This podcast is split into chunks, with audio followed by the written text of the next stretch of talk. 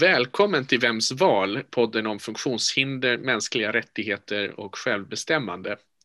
Den är skapad av artikel 19 som verktyg, ett arvsfondsprojekt som tittar på hur det går för Sverige att genomföra rättigheterna enligt artikel 19 i funktionsrättskonventionen. Jag heter Ola Linder och är jurist och projektledare för projektet. Med mig från projektet är också Jamie Bolling som också är verksamhetsledare för Independent Living Institute där projektet finns. Hej, vad roligt att ni vill lyssna på artikel 19 podd Vems val? Jag heter som Olle sa Jamie Bolling.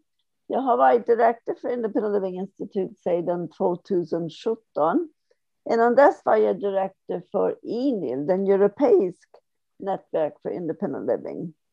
INIL och ILI, som alla andra independent living-organisationer, arbetar mot institutionalisering av personer med funktionsnedsättning. Vi vill, som alla andra, kunna bo hemma hos oss själva, även om det krävs sociala insatser för att kunna leva hemma, som personlig assistans, som är väldigt viktigt. Det är en rättighet. Men mer om detta nu under samtalet. Ola, back to you. Ja, tack så mycket Jamie. Men vi är inte heller ensamma idag, för idag har vi två väldigt spännande gäster med oss. Magnus Andén är ordförande för föreningen Jag, Jämlikhet, Assistans, Gemenskap, som arbetar för personlig assistans och medlemmarnas mänskliga rättigheter. Eh, han har, har jag fått veta, en av de första som fick personlig assistans redan eh, 1975. Det finns också en dotterförening eh, till Eh, till föreningen som heter Brukarkooperativet Jag som organiserar den personliga assistansen till sina medlemmar. Och eh, numera är det Magnus syster Cecilia Blank som är ordförande. Eh, men med oss idag så har vi också Gerd Andén som länge arbetat för bättre rättigheter för personer med funktionsnedsättning. Gerd är även Magnus mamma och god man. Och eh, välkomna hit Magnus och Gerd. Mm, tack så mycket. Eh, och Magnus, du kan prata med dina fingrar lite grann här. Ja, och du ser och du hör. Eh, och jag, jag är numera gammal, jag är 80 år och är pensionär. Så numera så deltar jag inte så mycket i vad som händer på jag. Eh, men det var Magnus och jag som satte igång det hela en gång i världen. Så att vi startade jag och det började med att eh, du hade det som vi sen kallar personlig assistans, Magnus, och jag såg att det var enda möjligheten för dig att få en hjälp som fungerade. Men då hade du en assistent och det, en assistent arbetade 40 timmar, men veckan är 168 timmar. Eh, så att eh, ja, det var, jag fick ju hjälpa dig med det mesta i alla fall. Och så var det ju på den tiden i Sverige. Att eh, det var ju mammorna som fick hjälpa sina barn med stora funktionsvariationer att eh, klara sina liv och hade mycket svårt att ha ett eget yrkesliv. Och då, då fick man ingen lön för det på den tiden heller, utan man blev hemmafruar genom hela livet och fick ingen pension när de blev gamla och så vidare. Så det var ett annat Sverige. Och det här tyckte vi att man borde göra någonting åt, Marcus. Och därför engagerade jag mig först i Riksförbundet FUB och så småningom så startade vi jag. Eh, och där är du ordförande och som vi hörde nu så är jag pensionär och inte med så mycket nu. Men mm. så är det, det du som är ordförande. Ja, det är bra. Ja. Ska vi börja så? Ja, det låter jätteintressant att, att höra om de här eh, historiska perspektiven också. Att det, det fanns ju inte personlig assistans i lagstiftningen 1975, men ni lyckades på något sätt få det att fungera ändå. Ja, vi, Magnus fick en barnsamarit. Eh, hade, som skulle hjälpa det lyckades jag tjata mig till genom kommunen. Och det var ju kommunen som var räddningen. Eh, och eh, Först så bodde vi i, i Huddinge kommun faktiskt. Och där fick du det här som vi kallar barnsamarit först. Och sen flyttade vi till Ekerö kommun. Och då lyckades vi eh, få Magnus. Och det berodde faktiskt på att vi hade tur med att du fick ett epileptiskt anfall mitt framför näsan på den här människan som bestämde i Ekerö kommun. Hon blev så förskräckt så hon beviljade genast det vi bad om. Och, eh, för, och det var, ja, så var det. Ibland kan man ha tur med oturen. Och eh, därför fick du då 40 timmar eh, barnsamarit i Ekerö kommun. Ja, och det var det som sen blev personlig assistans. Och då var du ju, när vi flyttade till Ekerö så var du tio år. Så att det var, det var länge sedan.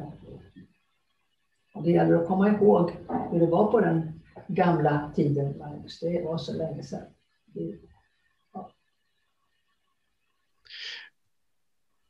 Men då, då var ni eh, ensamma, nu ska säga. Hade, eller hade ni börjat form, formera någon sorts organisation vid det tillfället, eller kom det senare? Ja, det kom senare. Det var faktiskt eh, det var Carl Grünewald som var, som eh, var medicinalråd på den tiden i Sverige och han, han eh, eh, tog, såg ju till att vi blev av med institutioner i Sverige. Det var hans stora gärning.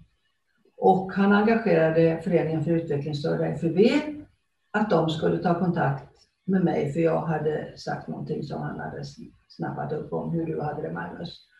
Och så blev jag engagerad i FUB, kontaktade FUB och Riksförbundet FUB och blev engagerad där. Och eh, vi bildade, det var jag och det var ju fler föräldrar i Sverige då som var i den här situationen. Och vi bildade en grupp i Riksförbundet FUB som eh, ja, vi kallade den så småningom flerhandikappgruppen. Och det var några föräldrar som hade barn som hade så här stora behov av stöd som du också har Magnus. Och det var, det var början, den här flerhandikappgruppen. handikappgruppen. Eh, och sen visade det sig då att i FUB, där var vi ju en väldigt liten grupp. FUB är ju en stor organisation och de allra flesta där har ju inte behov av det som så starkt stöd som du behöver Magnus och, och våra barn behövde. Så att det var därför som vi eh, bildade föreningen Jag eh, för att få jobba med just den här problematiken som våra barn hade som behövde så ett starkt stöd av samhället på ett helt annat sätt än de flesta andra behöver. Ehm. Jag vet inte om man ska förklara vem vad FUB är som organisation. Vi pratar om det, det känner vi till väl allihopa, men att det står för föräldrar till Hjälp mig. Ja, det är Föreningen för utvecklingsstörda barn, ungdomar och vuxna heter det då. Eh, och det heter fortfarande så. Är det en gammal organisation? Ja, det är en handikapporganisation. Det är en stor handikapporganisation som är med i, ja på den tiden hette det HCK, nu heter det något annat. Den samarbetsorganisationen som finns. Och den är ju också, har ju sina kontakter i hela världen med liknande organisationer. Eh, och det blev ju så sen att jag började arbeta på Riksförbundet FUB.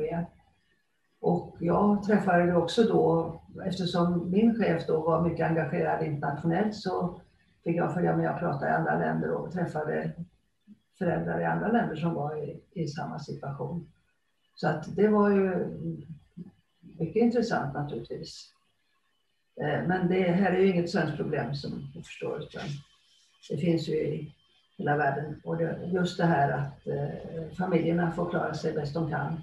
Sverige var ju världsbäst på institutioner. Det, nu är vi världsbäst på gruppbostäder. Eh, så så små institutioner. Så att det, det är ju så. Vi försöker ju organisera efter bästa förmåga och ibland blir det, blir det så. Så då var ni några familjer som startade tillsammans föreningen Jag. Vilket år var det? Det var 80-talet eller? Eh, ja, det var, vi, vi startade ju då först en grupp i FUB som eh, vi kallar flerhandikappgruppen. Och eh, den bildade vi 76, faktiskt den arbetsgruppen. Eh, och sen så gjorde vi ett åtgärdsprogram för personer i din situation, Magnus, och våra barns situation. Och eh, vi eh, gjorde ett bildband, det var ljudbildband som det var på den tiden. Det var diabilder och så ett ljudband till som man spelade samtidigt. Och som handlade om dig och så handlade det om Jonas som var en annan, eh, som var en av de andra föräldrarnas soner det fortfarande och han eh, har autism och stora funktionsnedsättningar och du har ju då dina, dina svåra rörelsehinder Magnus och, och, så. Så att eh, det var de två, om man kan dela in folk i grupper, vilket man inte ska. Men, men om man eh, tyckte att det var två representanter för den här gruppen som behövde personlig assistans i alla fall. Och det här bildbandet visade vi på en um, internationell organisation i Wien och det glömmer jag aldrig för det blev nästan upplopp alltså. För att de tyckte att, oh, att vi var föräldrar som tog hand om, som hjälpte våra barn var någon slags änglar och jag blev ju så arg så jag höll på att gå av på det, på det viset för att man hade sådana märkliga åsikter. Så det var oerhörda fördomar måste jag säga. Ute i, och det är det ju fortfarande ute i världen om hur det mänskliga värdet för personer med intellektuella funktionsnedsättningar. Ehm, det, och det var ju väldigt tydligt då och det här engagerar naturligtvis oss och mig alldeles extra. Att de reagerade, var det att ni ville att barnen var hemma och ni gav stöd till dem istället för att de var på institution eller vad reagerade de emot? Ja, eh, Ja, vi ville ju att, eh, vi såg ju på dig Magnus, du försökte ju faktiskt att bo på institution några år när du var liten. Därför att det var det enda hjälp som fanns och, och alla tyckte att eh, det var den här, antingen fick man klara det själv som familj eller också var det instruktioner. Och vi hade ju världens finaste instruktioner. Jättefina institutioner. Men det har ju inte det det handlar om, det hjälper inte ett smack. Utan du höll ju på att gå under Magnus, du klarade ju inte alls det. Utan du klarade inte. Det, det, det blev så oerhört besvärligt för dig och jag fick eh, åka och hämta dig stup i kvarten och jag försökte på alla vis. Det var nästan att jag också bodde på institution till slut. Och sen så eh, sa jag att nu får det vara nog, så då fick du flytta hem. Då tyckte ju alla att jag var alldeles på tok. Och jag sa det kvittar hur dumt det går, men, men värre än det där kan det inte bli. Så att du, vi, du fick flytta hem då och, och då gick jag till kommunen. Och det var då vi bodde i Huddinge kommun och fick den där barnsamariten. Eh, som, ja, så det var så det började faktiskt. Eh. Jag har hört det här att det var, som du var inne på, det var viktigt med din, din röst som kvinna och emot det här att man skulle jobba hemma gratis. Hur gick din lobbyverksamhet där om man säger så? Ja, det var ju alla de andra. genom FUB fick jag ju kontakt då med många andra föräldrar i liknande situationer. Och då insåg jag ju att alla, där var det ju de som inte, som lyckades hjälpa sina barn att, att slippa bo på institution. Där var det ju mammorna som gjorde jobbet. Och det hade man ju, då var hemmafruar, man fick inget betalt för det och det, man fick ingen pension när man blev gammal eller någonting. Det var, man blev ju utanför samhället på grund av det här. Och det tyckte jag var förfärligt. Jag envisades med att ha jobb vid sidan av hela tiden. Det var ju deltidsjobb och jag hade egna företag och jag höll på med massa saker. För att jag... Det var, jag, jag kunde inte tänka mig, jag var ingen bra hemmafru helt enkelt. Det var, bara, det var inte min grej. Men eh, så att eh, eh, jag insåg ju att det här problemet var stort och det drabbar ju kvinnorna då. Eh, så därför var det jätteviktigt sen när vi skapade det här med personlig assistans och, och lagen och så, att det var anhöriga fick vara anställda. Det var många som tyckte att anhöriga skulle, man skulle inte ha betalt för man skötte om sina egna barn. Det var ju förfärligt. Eh, men det var jätteviktigt för att eh, få in att kvinnorna skulle få ett liv som andra och få pension när de blir gamla och allt som alla andra har. Därför att 168 timmar då om en förälder kan ju, om man är anställd kan man bara jobba 40 timmar. Då kan man ju räkna ut hur många det behövs för att täcka 168 timmar i veckan och dessutom semester och vad det är att man ska ha. Så att det var inte så att det, om det var en förälder som var med i det hela, den gjorde ju inte det mesta jobbet utan bara en liten del av det hela. Det finns ju vissa röster idag också om att det inte ska vara möjligt för anhöriga att arbeta som assistenter. Vad säger du om det? Ja, det problemet är väl detsamma nu som då. Sen ska ju naturligtvis anhöriga välja. Nu är det ju så att de flesta ungdomar har ju, har ju ett arbete när man... Alltså det, här, det är ju både kvinnor, kvinnor och män, pojkar och flickor som arbetar när de får barn. Liksom. Så att det är en liten annan situation från början numera än det var då. Men annars är ju problemet detsamma naturligtvis. Att det är klart. Och sen är det också så att när man då har ett barn med funktionsvariationer så är det ju så att eh, barnet bor ju i sin familj och då ska man ha assistenter i sin familj och det där är inte helt enkelt det heller kan jag säga. Eh, för övriga familjen.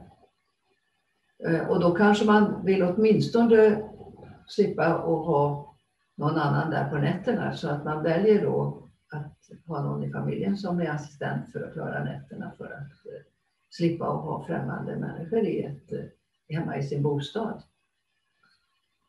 Så att det, det är en sak som jag tror att, eh, att det är viktigt att man får ha den möjligheten. För att eh, personer som har assistans ska kunna, barn ska få bo kvar i sin familj och ha det som andra barn. Det är jätteintressant poäng. Eh, jag tolkar det verkligen som att här, den här reformen med personlig assistans också hade just en, en positiv effekt på jämställdheten i Sverige. Eh, I, I, just det att människor som, som du och andra som hade fått arbeta obetalt och kunde ändå eh, börja få en, någon sorts betalning och, och också pensionsrättigheter. Det är ganska bakvänt att tänka att det skulle vara annorlunda. Mm. Och när, när lagstiftningen kom så är vi i början på 90-talet och eh, det fanns ju även andra organisationer som jobbade för det här, till exempel STIL då, som var ett pilotprojekt och en organisation inom Stockholms stad eller regionen eh, som, som sen då ledde arbetet med Adolf Ratzka. Så där hade ni kontakt mellan föreningen Jag och, och andra organisationer under den här tiden? Oh ja, när vi startade Jag så var STIL föredömet. Så att eh, vi hade ju kontakt och jag som arbetade i handikapprörelsen då jag kom i kontakt med det här. Och jag insåg ju med en gång att det, det var ju eh, någonting sånt vi behövde ha. Men det, skillnaden var då att i STIL så var det viktigt att det var den assistansberättigade eh, eh som var arbetsledare för sina assistenter för att få den självständigheten. Eh, och Eh, det kunde ju inte JAGs medlemmar, eller föreningen FUBs medlemmar som då eh, hade assistans. Man kunde ju inte vara arbetsledare om man har en intellektuella funktionsnedsättning. Då behöver man ha hjälp med det. Så att det var det som var skillnaden från början. Eh, och då, så Stig var ju föredöme när vi startade föreningen Jag. Och vi ville ju också då, det viktiga var ju att man hade sin egen arbetsledare. Eh, och att det inte, som det var förut, att arbetsledaren satt på kommunen. För det, och det är ju för de som har assistans inom kommunen idag.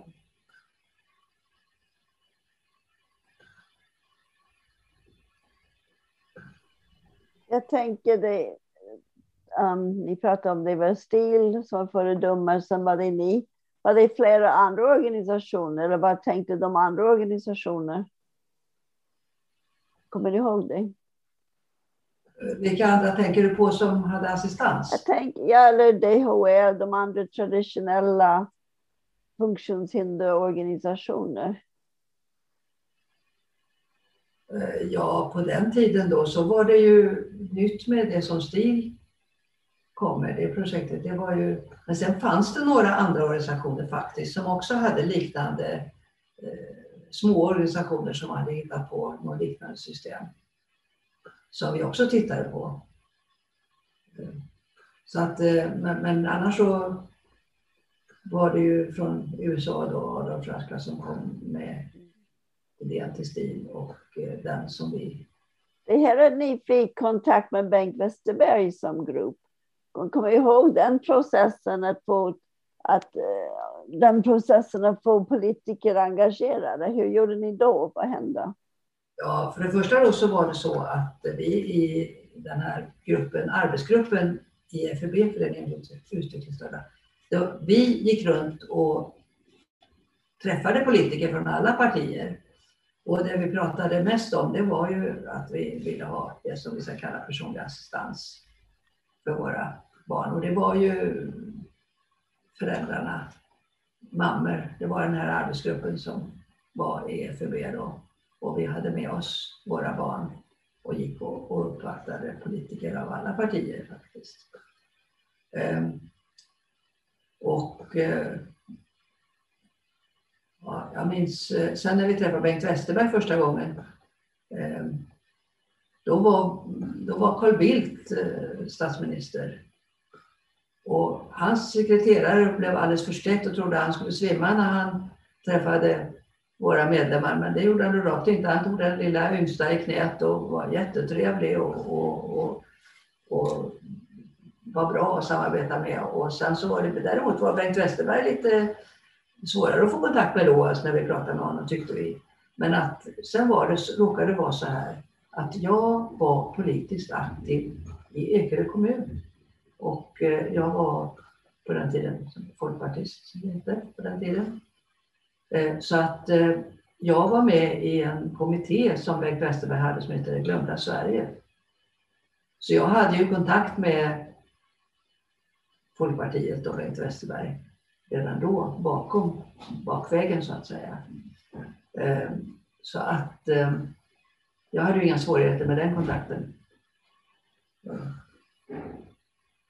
Men vad heter kan du beskriva varför det är ändå viktigt att få med sig politiker? Man pratar idag att en av våra största problem idag är att på något sätt vi får inte politikerna med oss. Ni lyckades, ni fick politikerna med, vi fick en reform som, och en ny lagstiftning.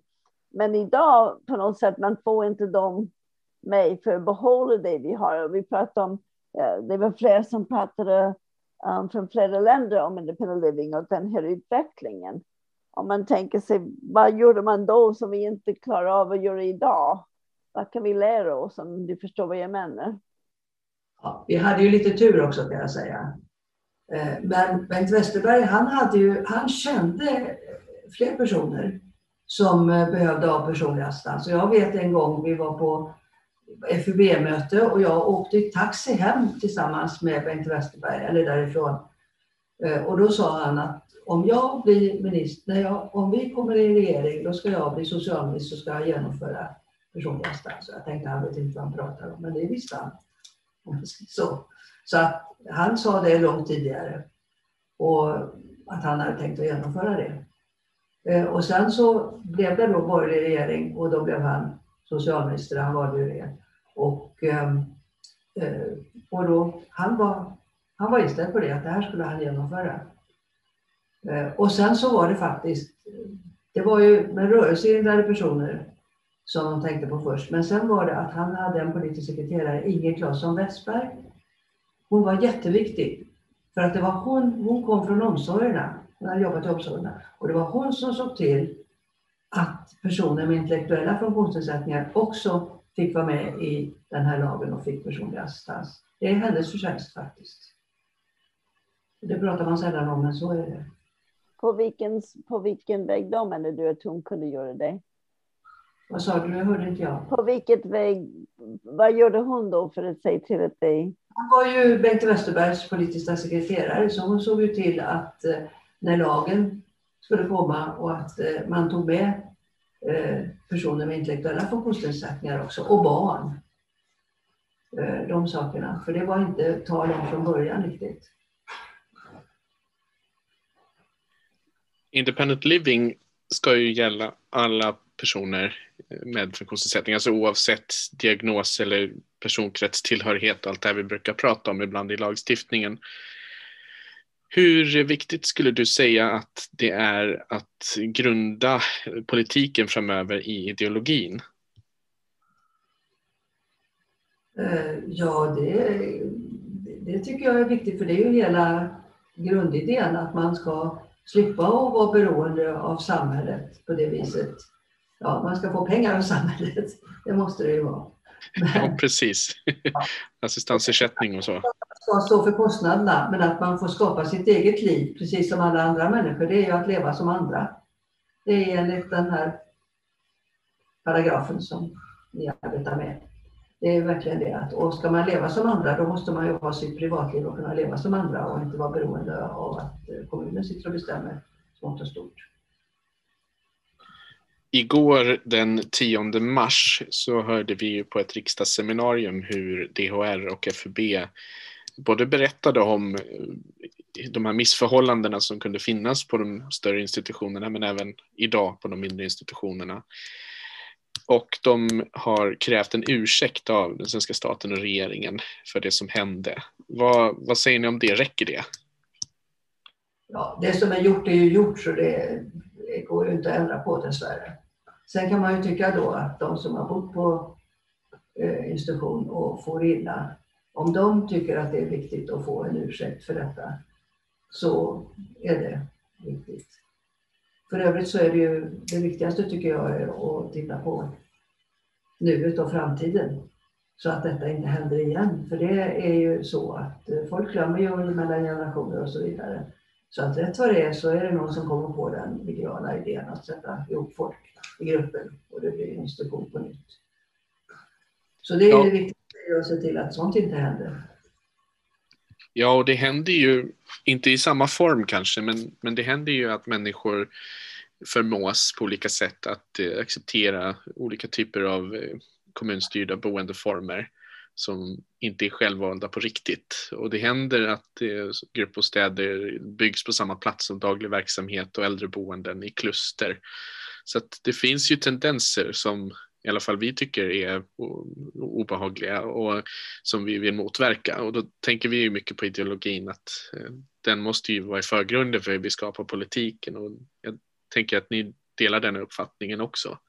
Absolut.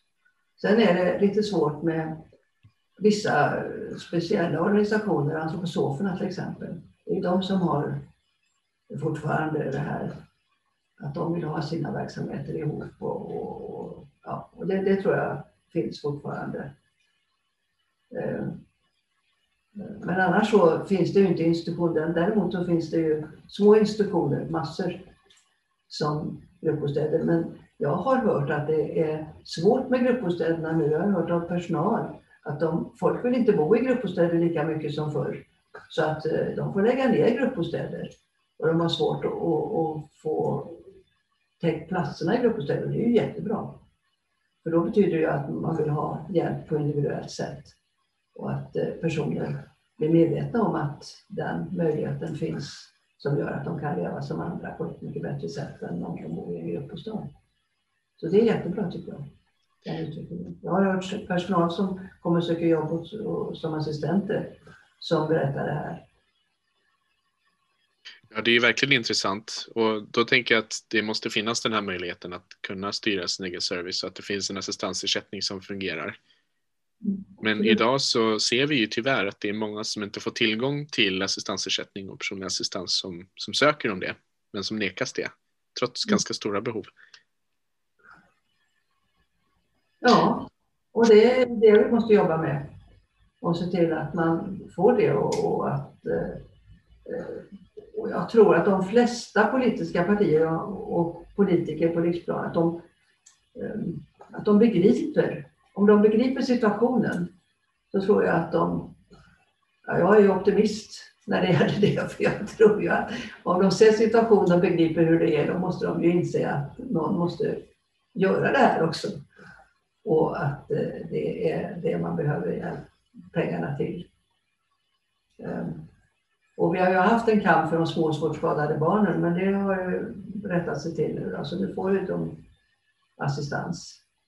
Och det var ju en sån kamp som handikappföreningarna ja, fick hjälpas åt med och åtminstone jag var svårt engagerad i eh, också. Och då, sen har vi ju assistansutredning och det vet vi ju inte var den tar vägen Eh, heller. och eh, förslag att, eh, att det ska förstatligas alltihopa och det får, låter ju jättebra, bara staten tar sitt ansvar ordentligt. Så att det blir lika, likadant i, var man än bor i Sverige, det tycker jag. Ja, de här senaste ändringarna som blev i, i rätten till personlig assistans, i alla fall i lagstiftningen, den handlade ju om vissa moment och det, det, kan ibland bli ganska tekniskt att prata om grundläggande behov, övriga behov, andning, sondmatning och så vidare. Men det är ju delvis genom en sån typ av reglering som, som det går att säkerställa att personer som har vissa typer av behov faktiskt får tillgång till personlig assistans.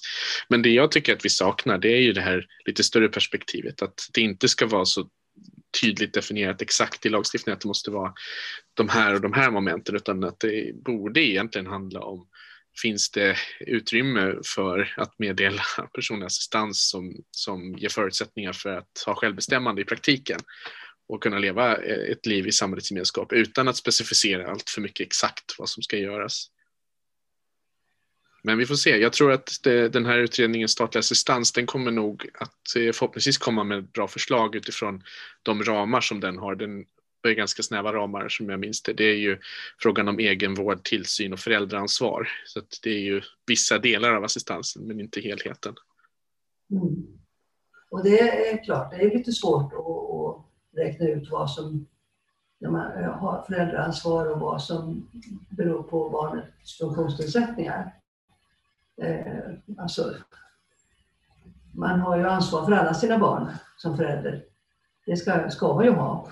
Så de här barnen ska ju inte bli, bli utskuffade från den normala föräldrasamvaron så att säga, så, eller familjesamvaron. Då blir det ju på tok åt andra hållet. Utan eh, man ska ju ha det också. Men samtidigt, eh, var går gränsen? Det, det är ju helt individuellt. Alltså, det måste man ju få med och bestämma i familjen. Liksom. Så att det fungerar för övriga familjer också. Ja, vi får hoppas att någon sorts ideologi får vara vägledande för hur de här förslagen läggs så att det även får forma framtida förslag. Ja, vi får hoppas på det. Och, och jag tror i alla fall att eh, de som har satt till den här utredningen och de som är medverkar där, att de eh, har goda intentioner med det här. Det verkar så. Ja, den uppfattningen delar vi nog också här från projektet. Det var spännande att prata mer. Jag tänker att vi börjar närma oss eh, att avrunda. Är det någonting som ni skulle vilja säga i övrigt om, om framtiden eller personlig assistans? Ja, nu är vi ju så vana vid personlig assistans så att eh, det känns ju som det är så det ska vara och det är så det är. Eh, men vi som har varit med länge, vi vet ju att det kan ju gå åt andra hållet också. Så det gäller ju liksom att, därför att det kostar, det kostar ju pengar. Men det är faktiskt så att eh, eh, alternativen kostar lika mycket pengar. Och det, så det, man tycker att det ska inte hålla på och prata om pengar, men på ett sätt så måste man faktiskt det ibland och då är det ju så att eh, eh gruppbostad, plats i gruppbostad som det heter då, det kostar om, lika mycket. Om Magnus, om en person med stora behov som har personlig assistans skulle bo i en gruppbostad då, då blir det dyrare än att ha personlig assistans och ha egen bostad. Och, och för då har man ju som alla andra, man betalar sin bostad och, och stöd för den som alla andra har. Men, men eh, assistansen är assistansen. Och det hänger inte i huset, sitter inte i huset. Och ska inte sitta i huset för man ska ju vara fri. Magnus brukar ju, du brukar ju åka till Spanien fyra gånger om året. Nu kunde vi inte göra det i år bara för att eh, pandemin här nu då. Men annars så brukar Magnus vara minst åtta veckor om året i, Spanien då. Fyra gånger då. Och sommarstuga och det är lite annat. och ute och, och är mycket ute med andra kompisar och så. Så att det är inte så att om man bor i gruppbostad, då sitter ju i personalen sitter ju fast i huset så det går inte alls att leva på det viset som man gör när man har personlig assistans och som alla andra människor lever. Och det, målsättningen är att kunna leva som andra i Sverige. Ja, verkligen. Och jag tänkte på det där du sa om kostnader. För visst är det så att jag har skrivit en rapport om kostnader som jag har sett någonstans. Det har vi säkert gjort, vi har skrivit så många rapporter. ja, nej men det kan vi återkomma till. Ja, nej men då får vi säga tack så mycket till er och tack för att ni har varit med och lyssnat på Vems val. Jag hoppas att nu har vi fått lite mer snö här igen, även om våren stundar. Det kändes det som. Jag hoppas att ni får njuta av, av den och att vaccinationerna också kommer igång ordentligt. Ja, det behövs att vi Ja. kan leva som andra, leva som vanligt igen. Det, Leva som oss själva. Ja, det är så konstigt det här. Så. Ja. Tack så mycket. Tack så mycket. Tack ska ni ha. Hej då, hej då. Hej, hej då får du säga Magnus. Ja, det är så.